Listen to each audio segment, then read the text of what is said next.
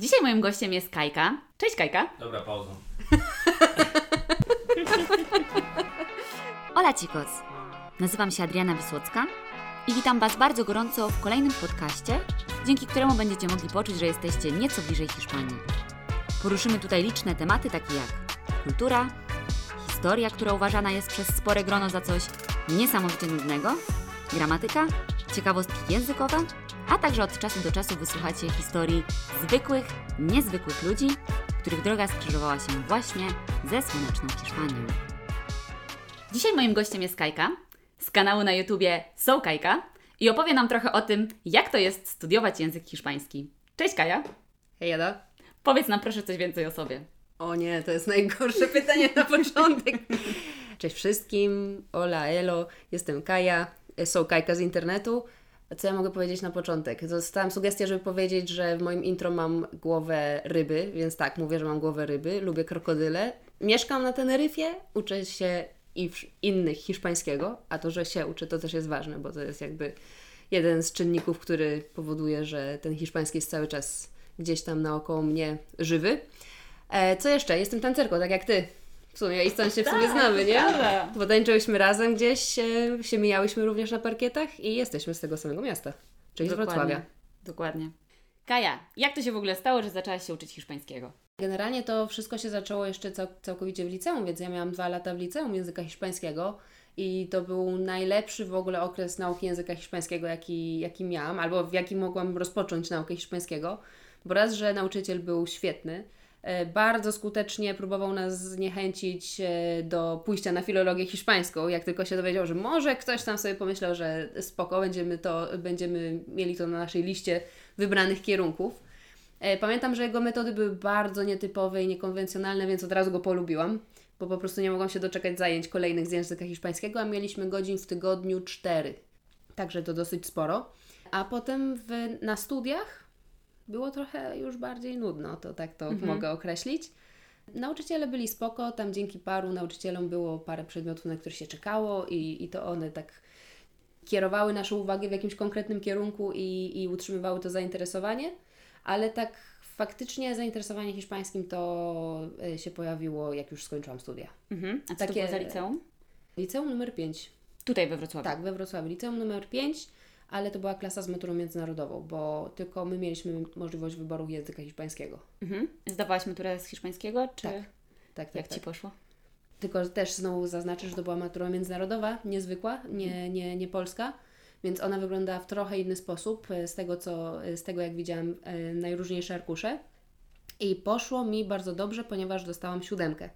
Co oznacza, że dostałam najwyższą ocenę, ponieważ w, IB, czyli w klasie z maturą międzynarodową, my mieliśmy oceny, nie procenty. Oceny były wystawiane oczywiście na bazie procentów, ale w ogóle skali ocen mieliśmy do siódemki. O, to ciekawa informacja, Tylko- bo tak. skala hiszpańska jest chyba od 1 do 10, albo nawet od 0, nie wiem teraz dokładnie, Nie mam pojęcia. a polska jest tak naprawdę od 1 do 5-6. Do nie? 5-6, tak. Natomiast my mieliśmy w IB do 7, więc y, potem śmiesznie brzmiało na początku, jak się próbowaliśmy przyzwyczaić do tego, jak ktoś mówił, a co dostałeś? Szóstkę? Mmm, to słabo, to ja siódemkę. To, to trochę inaczej Aha. brzmi, jak słyszy ktoś, kto chodzi do, do klasy, w której siódemek nie ma. Natomiast matury, y, matu, z matury też z przedmiotów dostawaliśmy potem finalnie ocenę, nie procenty. I tutaj była głupia sytuacja, bo na uniwersytecie trochę nie wiedzieli, jak mają potraktować moją maturę, bo dostali po prostu papier z listą sześciu, siedmiu przedmiotów, które ja zdawałam maturalnie i przy nich dos- dostali 4, 5, 6, 6, 7, 7, 7. I tak trochę nie wiedzieli o co chodzi i któraś z pań w dziekanacie się mnie zapytała, dlaczego mam tak mało procent. ja powiedziałam, że to są oceny i tym bardziej już nie wiedziała, jak co ma wprowadzić w system. Więc znalazłam się finalnie na ostatniej, e, jako ostatnia pozycja na liście osób rekrutowanych na, na filologię hiszpańską, więc się za pierwszym razem nie dostałam, za drugim ani za trzecim musiałam składać odwołanie i pisać w odwołaniu, że no my mieliśmy oceny, nie procenty Ojej, Na to studiach. Nie mam pojęcia z matury. tym. No to powiem Ci, że poszli trochę pod górkę, nie? No, na polskich uczelniach trochę nie wiadomo było, jak to potraktować, ale się udało. Najważniejsze. Przede No. wszystkim. Więc dostałam się na tą filologię hiszpańską. To powiedz nam od razu, gdzie poszłaś na filologię? Wrocławia. Na uniwersytet. Tak, tak, na Wydział Uniwersytetu Wrocławskiego. Od razu chciałaś się dostać na uniwersytet, czy rozważałaś też opcję szkoły prywatnej? Nie, nie. Nigdy nie rozważałam opcji szkoły prywatnej. W zasadzie filologia hiszpańska to był em, mój pierwszy wybór i w zasadzie chyba jedyny. Nie pamiętam już, czy miałam jakieś inne wybory, jak wiesz, maturzyści sobie wybierają różne i składają na różne wydziały i na różne kierunki. Ja chyba złożyłam tylko na filologię hiszpańską. Mhm, mhm. Tak, tak, ja złożyłam tylko na filologię hiszpańską. I jakie było Twoje pierwsze wrażenie, jak poszłaś na uniwerek? To jeszcze jest takie przejęcie w sumie, wiesz, przychodzisz na uniwerek i to jest ten pierwszy moment, kiedy sobie myślisz, o kurde, to ja teraz jestem studentem, o wow, dobra, to teraz zobaczmy, jak to jest być tym słynnym studentem, który teraz ma mieć tyle rzeczy, które go przygotowują do tego kolokwium. To jest takie przejęcie, jest tyle ludzi naokoło. Akurat filologia hiszpańska nie jest kierunkiem bardzo popularnym, więc tych, e, tych osób na kierunku na roku jest dosyć e, mało, bo około 30. Jeszcze my byliśmy podzieleni też na, na dwie grupy, ponieważ jeszcze, nie wiem jak jest teraz w zasadzie, ale w tamtym czasie było tak, że mogły pójść na filologię hiszpańską osoby, które w ogóle nie mówią po hiszpańsku, więc się przez pierwszy semestr uczą bardzo intensywnie tego hiszpańskiego, tak żeby dobić do poziomu B1.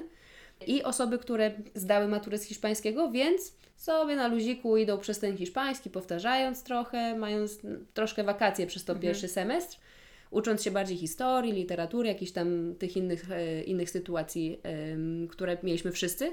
Więc byliśmy podzieleni na te dwie grupy, więc ja poznałam tak naprawdę może z 15 osób. Fajnie, bo się powoli wdrażaliśmy w ten e, tryb uniwersytecki. Po trybie bardzo ostrej IB, która była. Dla mnie y, uniwersytet to nie był, nie był intensywny czas nauki, bo był dużo lżejszy niż samo liceum. Natomiast był takim fajnym spotkaniem się w gronie osób, które mają zajawkę na, na tym samym punkcie, mhm. czyli języka hiszpańskiego. Do momentu, kiedy nie doszły przedmioty naokoło, typu historia. Właśnie chciałam się zapytać Ciebie, bo gramatyka, słownictwo, mówienie, oczywiście konwersacja to jest coś, czego chcemy się nauczyć i tak. jakby idziemy na studia właśnie po to, żeby nas tego nauczyli. Tak. Ale jak reagować na te przedmioty typu gramatyka opisowa, typu historia, filozofia, filo, filologia chyba nie, ale filozofia właśnie filozofia. tam mamy, nie? Filozofia jest na pierwszym roku. Gramatyka opisowa była na trzecim roku, z tego co pamiętam, ale pierwszy rok to była literatura i literatura była dosyć, dosyć konkretnym takim blokiem, y, z którym musieliśmy się zmierzyć. I literatura była dla mnie bardzo fajna. Ja bardzo lubiłam literaturę i zawsze była, mm, może niekoniecznie przedstawiana w sposób bardzo temperamentny przez panią wykładowczynię, ponieważ ta osoba nie do końca ma taki, taką energię, która porywa tłumy. Natomiast y, mówi w sposób taki, że widać, że ją samą to pasjonuje, więc to dla mnie było pasjonujące. No na historii spałam, to akurat ja przyznam, ponieważ ja totalnie nie jestem człowiekiem historii i historia to jest przedmiot, na którym ja zawsze spałam, niezależnie czy to jest podstawówka, gimnazjum, liceum czy studia. Natomiast sam język hiszpański fajnie, ale brakowało mi mówienia. Brakowało mi zdecydowanie. Jednak w tygodniu mało. Mówienia. Chyba, że mieliście więcej. Nie. chyba godzina pierwszym Godzinka, malutko, godzinka.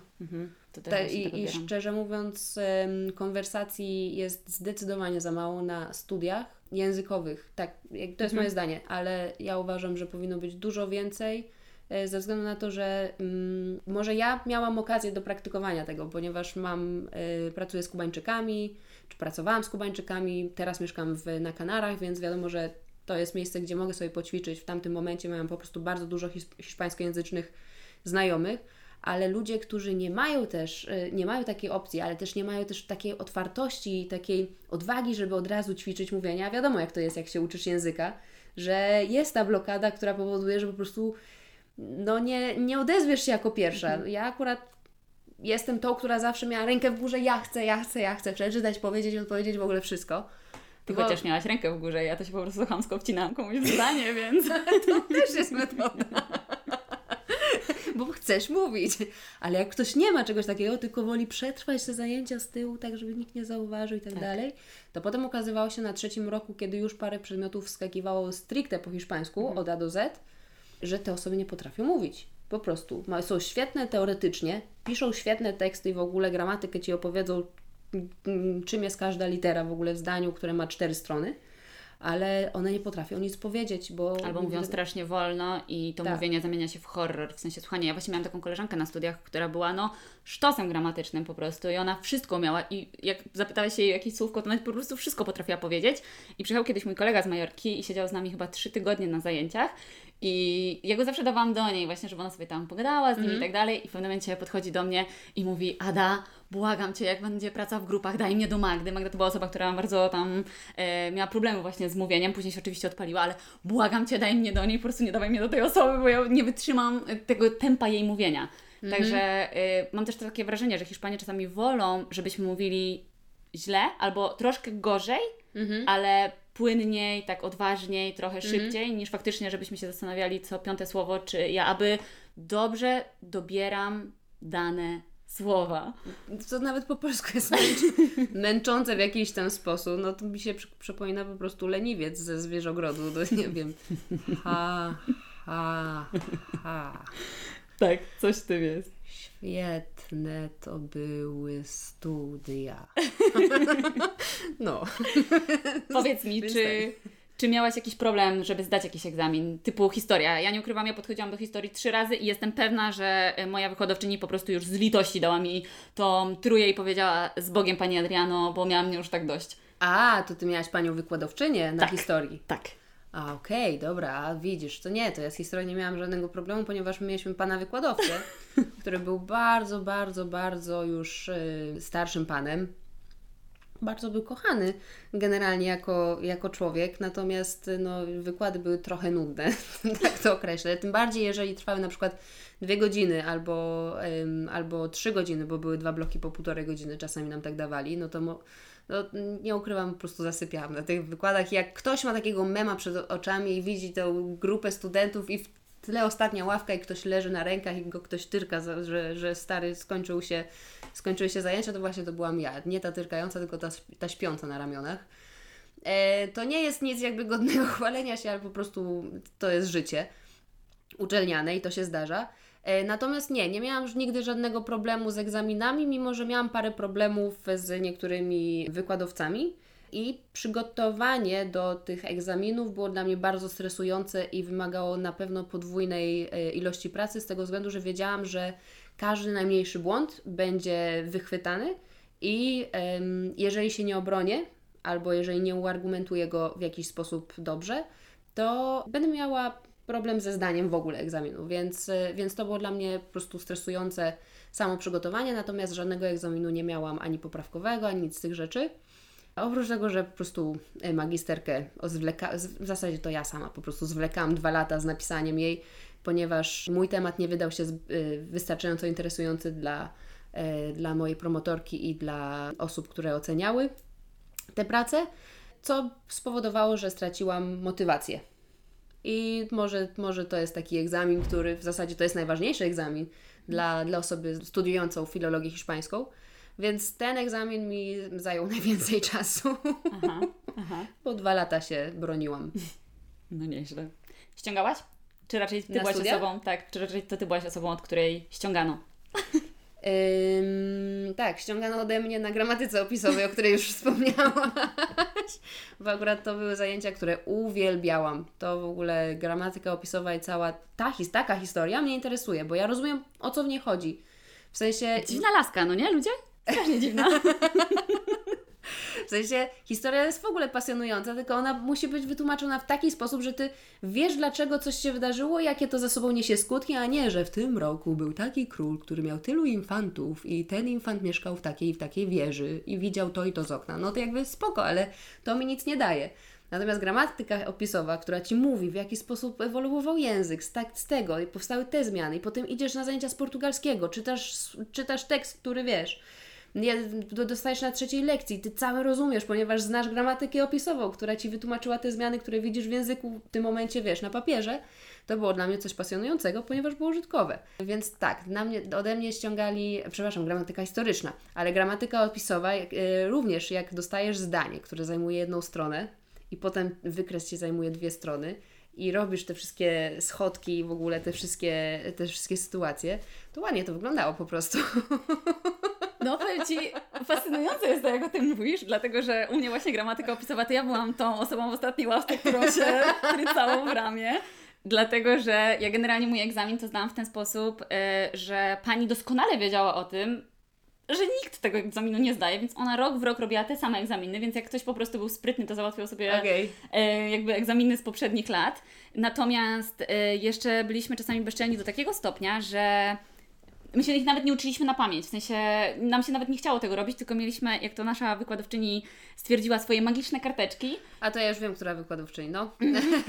która jakby została, na egzaminie zostaliśmy poproszeni o to, że jeżeli mamy swoje magiczne karteczki, to ona błaga nas, żebyśmy uważali, czy to aby na pewno jest odpowiedź do tego pytania i żeby one nie latały wszędzie. Także ona jakby doskonale A. była świadoma tego, że wszyscy ściągają, no bo to był ciężki przedmiot. I ja się zastanawiam, bo gramatyka opisowa jest ciekawa, jeżeli ktoś Ci potrafi ją wytłumaczyć, Tak. ale jeżeli ktoś nie ma tej smykałki do tłumaczenia, no to się męczę tak jak ja się męczyłam po prostu przez całe pół roku chyba, bo to tyle trwało. Wiesz co, mi się wydaje, że to tak, no bo jakby zajęcia może nie były same w, same w sobie super pasjonujące, ale y, u- mi się udało w ten sposób, w sensie myślę, że to w ogóle był taki sukces trochę zbiorowy, grupowy, ponieważ ja miałam taką paczkę przyjaciółek na studiach i każda z nas się interesowała inną rzeczą i potem y, jak przychodziły egzaminy czy jakieś zaliczenia, to siadałyśmy razem i każda po, prostu opowiadała całej reszcie, o czym dany temat albo dane, dany przedmiot y, jest.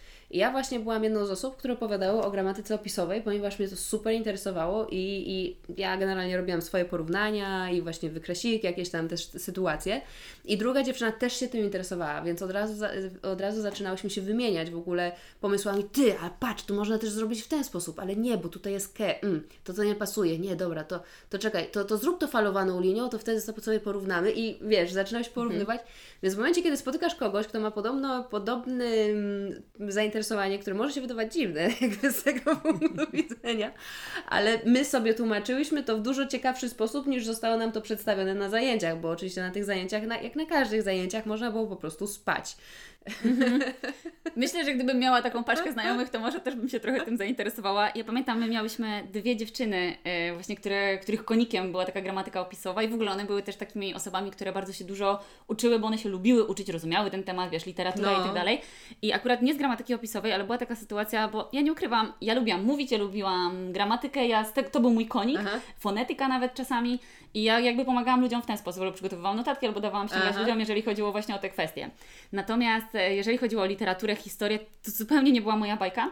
I pamiętam jeden egzamin taki, gdzie to chyba był wykład o, o literaturze hiszpańskiej i ja nie byłam na nim ani razu. Jak w końcu postanowiłam, zmotywowałam się, nie wiem, po 3-4 miesiącach, że pójdę na ten wykład, to okazało się, że mamy kolokwium. No i, ale mówię, no dobra, no jak już tu jestem, to, to nie uciekam, no trudno, najwyżej po prostu nie zdam. No to moje kumpele zaproponowały, że no dobra Ada, jak chcesz, to siadaj między nami i po prostu patrz, zobaczymy No. jak będzie wyglądało. Egzamin wyglądał w ten, znaczy kolokwium wyglądało w ten sposób, że wykładowca czytał e, pytanie Aha. i trzeba było odpowiedzieć, i czytał odpowiedź A, B, C i Aha, trzeba było zaznaczyć. Okej. I ja w ogóle ogarnęłam system, wiesz, jak jesteś na adrenalinie, to różnie Twój umysł działa. Ja ogarnęłam system, że patrzyłam do jednej koleżanki, patrzyłam do drugiej koleżanki i która szybciej zaznaczała odpowiedź, tą odpowiedź ja dawałam. Z masmarum wyszło, że one zdały na czwórę, ja dostałam piątkę. Doskonale wykminiłaś to. Tak, bo to wiesz, one się zaczęły zastanawiać, nie? tak. W sensie jedna się zastanawia, czyli nie jest pewna, a druga zaznaczyła, to super. Ale żeby nie było, trycałam tą koleżankę, która myślała i pokazywałam, że kumpela obok ma inną odpowiedź, ale ona wolała swoją, więc jakby Okej. w pewnym sensie byłam uczciwa. Dobra, dobra. Dobra, no to wiemy, z czym sobie doskonale radziłaś, to z czym miałaś problemy na studiach. Z historią. Ja nigdy tego nie ukrywałam. Jakby każdy, kto, kto e, wykładał jakikolwiek rodzaj historii i na którym ja się musiałam pojawić, po prostu wiedział to od pierwszych zajęć. Łącznie z historią e, Ameryki e, Łacińskiej, którą bardzo lubię, ale też jest nudna, jeżeli jest wyłożona w sposób taki, że, że nigdzie się mi nie zahacza. A nawet jak się zahacza, to ja potem zapomnę datę albo zapomnę nazwisko. Ja w ogóle nie mam pamięci do nazwisk, więc dla mnie to jest po prostu. e, To było coś męczącego wkuwać nazwy, więc y, ja umiałam opisać, czym jakieś wydarzenie było, ale jak miałam wskazać, kto coś zrobił albo kiedy to było dokładnie, no to tego nie pamiętam. Jedną datę oczywiście pamiętam z, ze studiów, ponieważ ona wryła się chyba atramentem na, u nas wszystkich w głowie. Jest to rok 1400.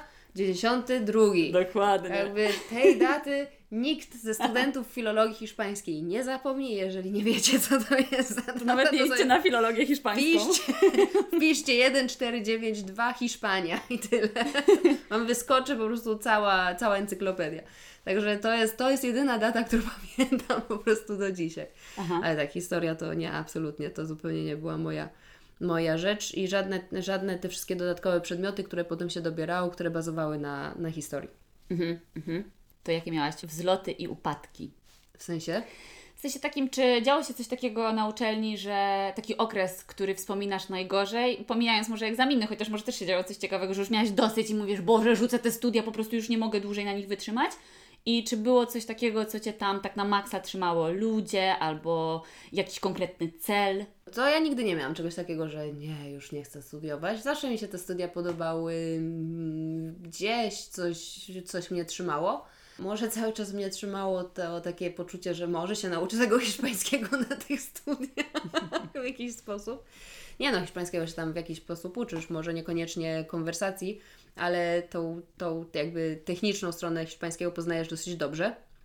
Też zawsze, zawsze było fajne to, że nasi, nasi wykładowcy, którzy byli Hiszpanami, oni byli, oni byli wtedy bardzo świeżo we Wrocławiu, więc oni w ogóle totalnie do nas wychodzili na zasadzie to ja Ci pomogę, albo słuchajcie, spotkajmy się jeszcze z tym i w ogóle zrobimy jeszcze to, co, kto by chciał, no to by się zgłaszaliśmy, bo to było bardzo fajne, bo oni czuli się tacy że się dzielą czymś, co jest dla nich y, codziennością z ludźmi, którzy chcą się nauczyć, więc, y, y, więc przygotowywali e, dużo dodatkowych, e, dodatkowych materiałów i dodatkowych opcji dla nas do nauki, więc my z tego korzystaliśmy, bo to było bardzo fajne. Natomiast ja miałam taki moment trudny na trzecim roku przed licencjatem, ponieważ e, wtedy zaczął, zaczęłam mieć problem z jednym wykładowcą, który był jednym z głównych wykładowców. Ów pan, mężczyzna bardziej bym powiedziała niż pan, on się na mnie po prostu uwziął, ponieważ nie działały na mnie jego metody e, manipulacji, tak to bym określiła, grupą. I bar- któregoś razu po prostu ja prychnęłam na zajęciach, jak on rzucił jakimś tekstem, którym próbował oczarować całą grupę. A ja prychnęłam z takim Jezus. Co też e, było spowodowane tym, że już wcześniej zn- znałam tego rodzaju teksty, powiedzenia, bo pracowałam z latynosami i to było takie bardzo oczywiste dla mnie, czym to jest i tak dalej, i tak dalej. Takie oczarowanie publiczności, która się składa głównie z damskiego grona i tak dalej. I on to usłyszał, spojrzał się na mnie bardzo wymownie i od tego momentu miałam bardzo trudny okres czasu z nim. I kazał mi czytać 30 tysięcy razy na zajęciach, co ja uwielbiam, więc bardzo jestem mu za to wdzięczna. I wtedy też byłam, mimo że byłam wkurzona straszliwie, ponieważ e, na pierwszych zajęciach, bo był niekonsekwentny i to mnie wkurzało, bo na pierwszych zajęciach powiedział, że dla niego no, ważne jest, w sensie on jest z Madrytu i on bardzo by chciał, żeby każdy mówił z tym jedynym prawdziwym akcentem, dialektem, ale on akceptuje to, że istnieje ich wiele w, w Hiszpanii, w krajach hiszpańskojęzycznych i tak dalej, więc każdy może mówić jak chce, byleby mówił, em, y, jakby trzymał się swojej wersji i, i albo, albo jeżeli szukał, to, to próbował y, po, pobyć w jednym jakby nurcie i, i tak dalej. Ale, więc, ale on nie będzie tego oceniał, bo jakby wiadomo, każdy ma swoje podejście. No ja mówiłam z Seseo, bo Kubańczycy nie mówią w żaden sposób, czyli tych wszystkich y, hiszpańskich Thion i tak dalej. I ja coś czytałam na zajęciach i on potem kazał mi to naprawdę nie wiem ile razy powtarzać, a to było słowo, gdzie było i Z i C i kazał mi powtarzać ze wszystkim ty i szy i w ogóle. I ja, ja mówiłam bardzo wytrwale cały czas sy. I on się wkurzył i powiedział, że mówię źle i mi wystawia najniższą ocenę.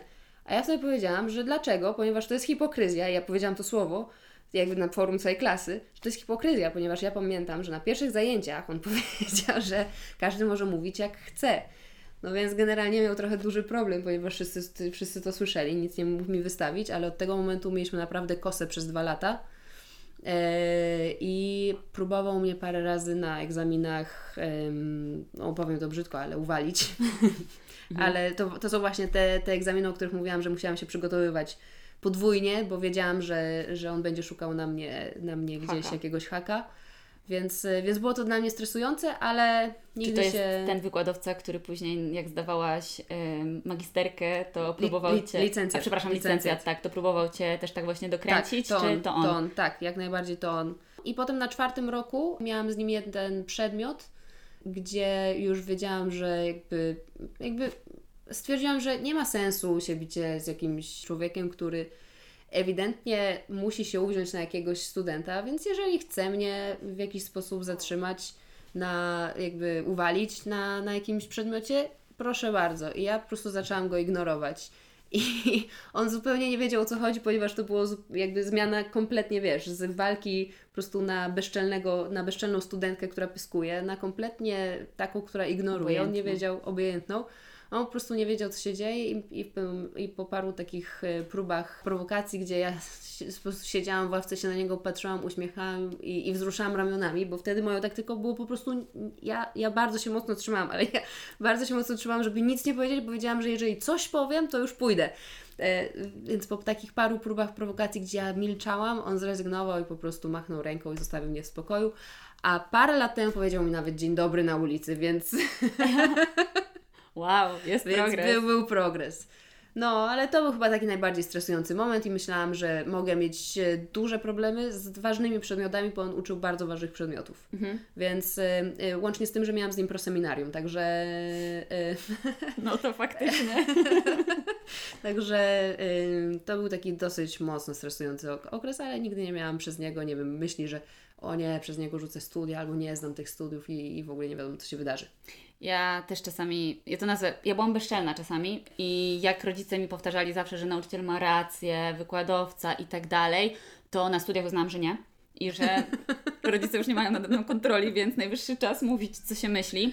E, My mieliśmy akurat ten luksus, że ja studiowałam na uczelni prywatnej, więc no, my mogliśmy mówić to, co czujemy, dlatego że nasza opinia bardzo się liczyła w tej szkole. Aha.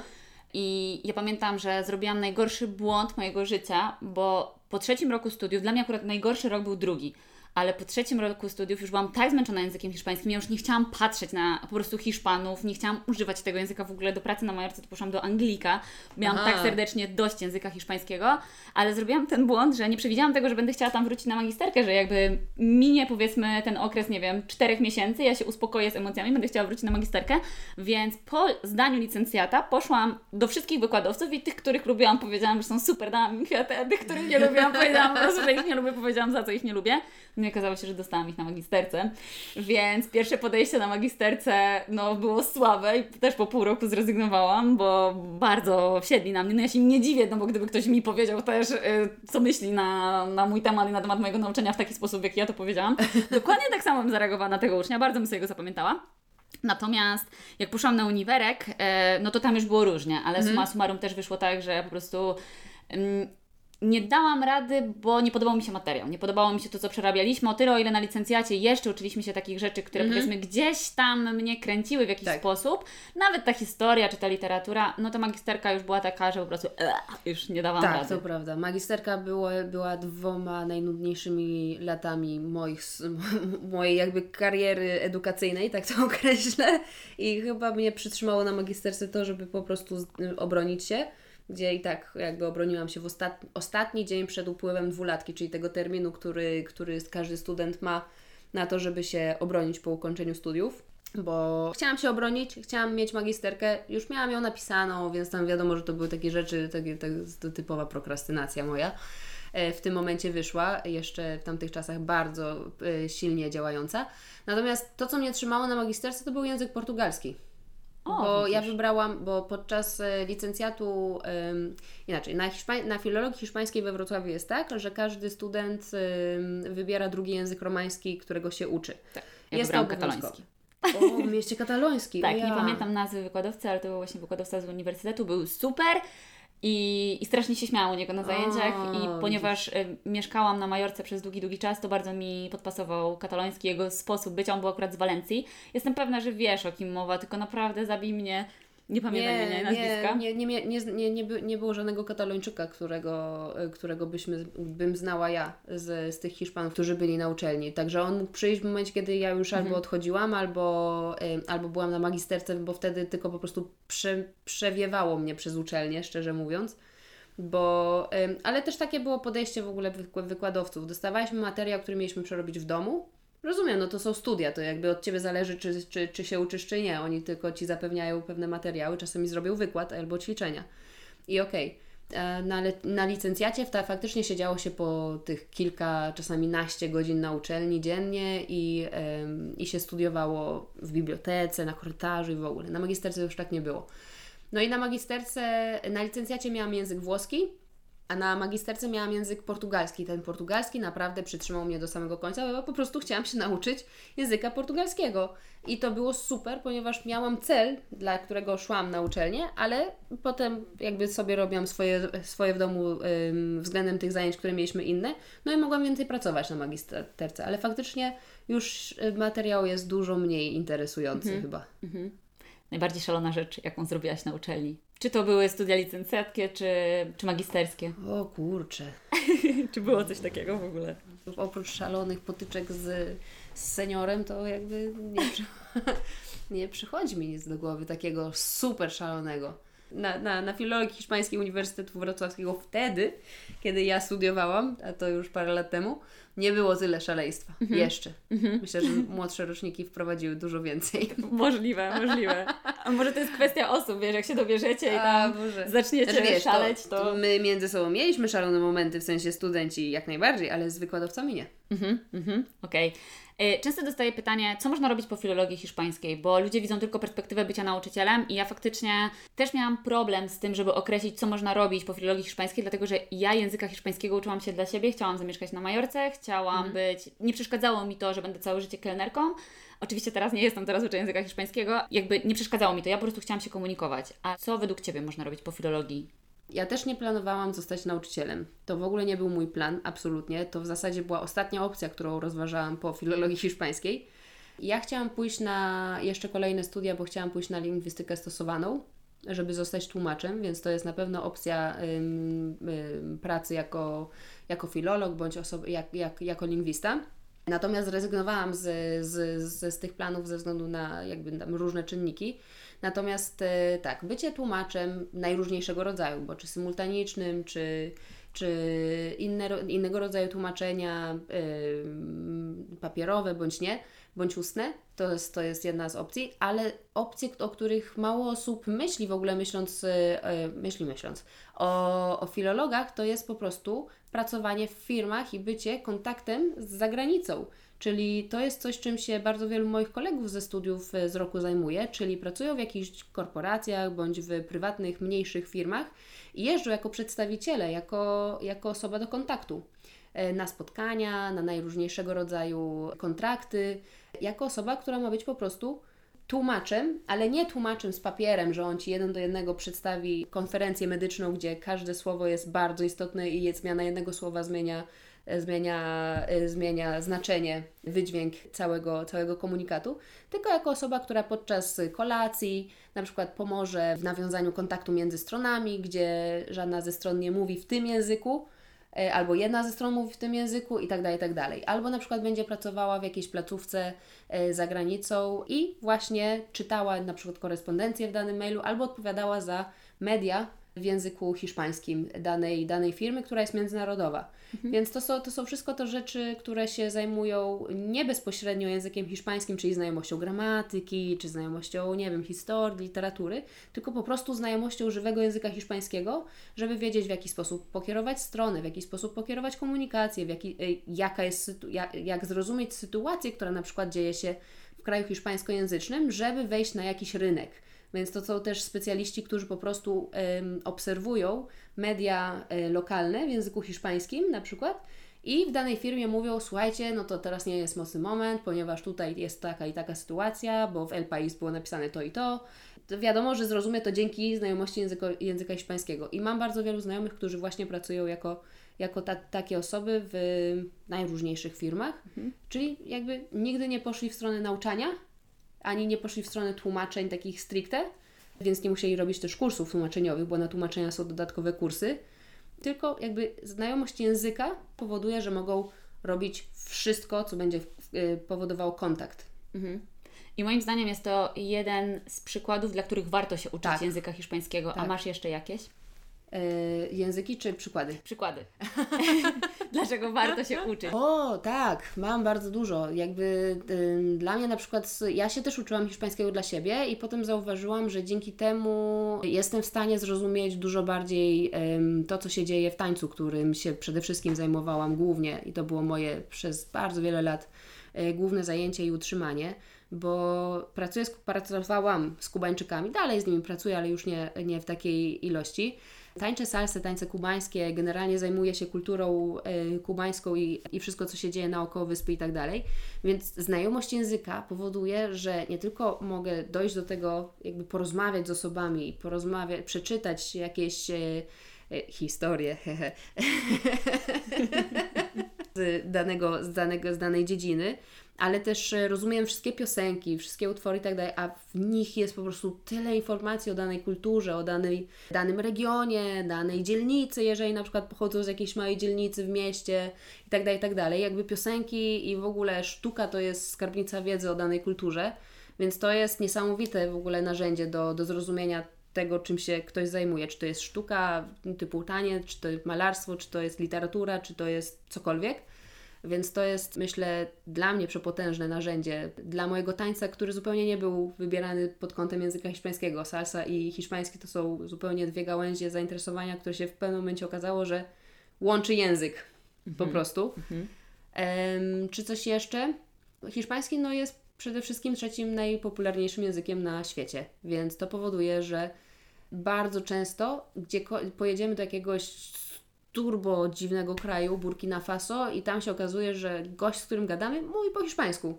Nie mówi po angielsku, ale mówi po hiszpańsku, więc jesteśmy w stanie się z nim porozumieć w języku hiszpańskim, bo Anu akurat się tak złożyło, że się nauczył paru słów. No nie wiem, no jakby to, to zaczęłam zauważać, że, y, że hiszpański coraz, y, coraz bardziej wychodzi naprzód. Czy coś jeszcze? Hmm, można przeczytać Don Quixota w oryginale. Powiedz mi, czy zauważyłaś jakieś różnice u siebie w swoim zachowaniu, w swoim byciu, w swoim postępowaniu, myśleniu przed tym, jak zaczęłaś uczyć się języka hiszpańskiego i na przykład teraz? Ojej, to już bardzo długo czasu, bo ja się uczę hiszpańskiego ponad 15 lat. Więc nie, no myślę z 15 lat, więc to nie, nie, to jakby wiesz, różnice są, bo wtedy byłam nastolatką, teraz jestem młodą kobietą, więc jakby różnice na pewno są. Natomiast y, biorąc pod uwagę to, co mówią moi y, przyjaciele, to ja mam bardzo inaczej. Mój sposób bycia, temperament jest bardzo zbliżony do tego, w jaki sposób zachowują się Latynosi bądź Kanaryjczycy. Jestem bardzo otwarta, jestem bardzo energetyczna, jestem temperamentna i taka czasami wybuchowa nawet. I podobno zaczęłam po polsku frazować tak, jak się po hiszpańsku mówi czasami.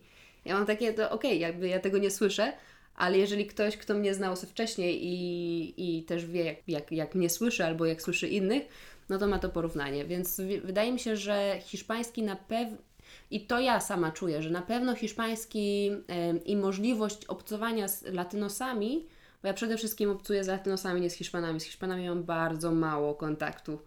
Bardzo, bardzo mało ko- kontaktu, więc ja jestem bardziej od tej latynoskiej strony, e, a bardziej jeszcze wręcz karaibskiej, nie, nie, nie, nie, nie łacińskiej całej.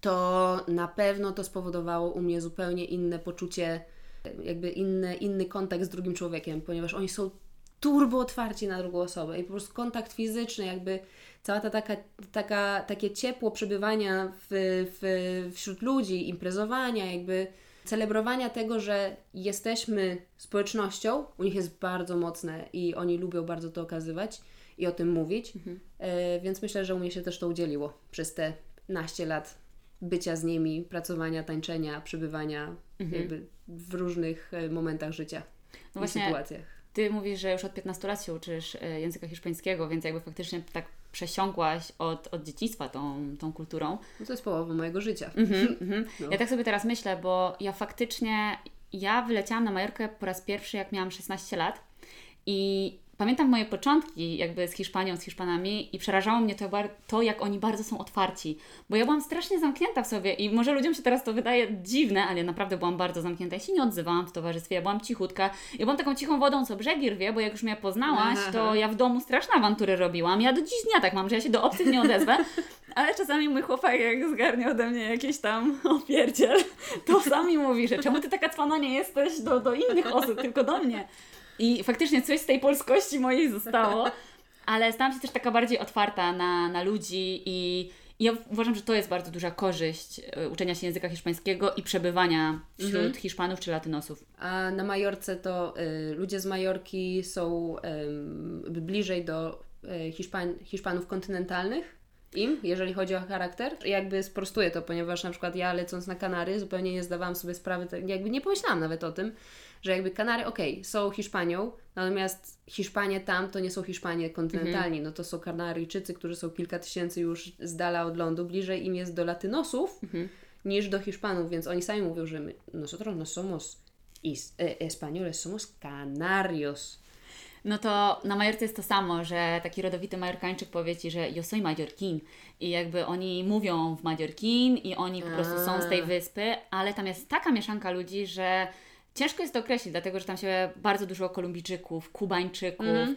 takich ogólnie też krajów, e, w których jest bieda. Wiadomo, że mm. Ameryka Łacińska ogólnie tak. jest biednym jakby kontynentem, ale na przykład Ekwadorczyków było niewielu. Ja poznam niewielu Ekwadorczyków, Aha. Peruwiańczyków praktycznie w ogóle, ale Argentyńczyków tak. bardzo wielu, więc tam jest taki miks tego wszystkiego. Ja najczęściej przebywałam właśnie z Majorkańczykami, z Argentyńczykami i tak na dobrą sprawę chyba z ludźmi z Katalonii, bo Aha. jakby Katalonia, Majorka rzut beretem, więc yy, i faktycznie oni też zawsze mówili, że ja nie jestem Hiszpanem, ja jestem Katalan.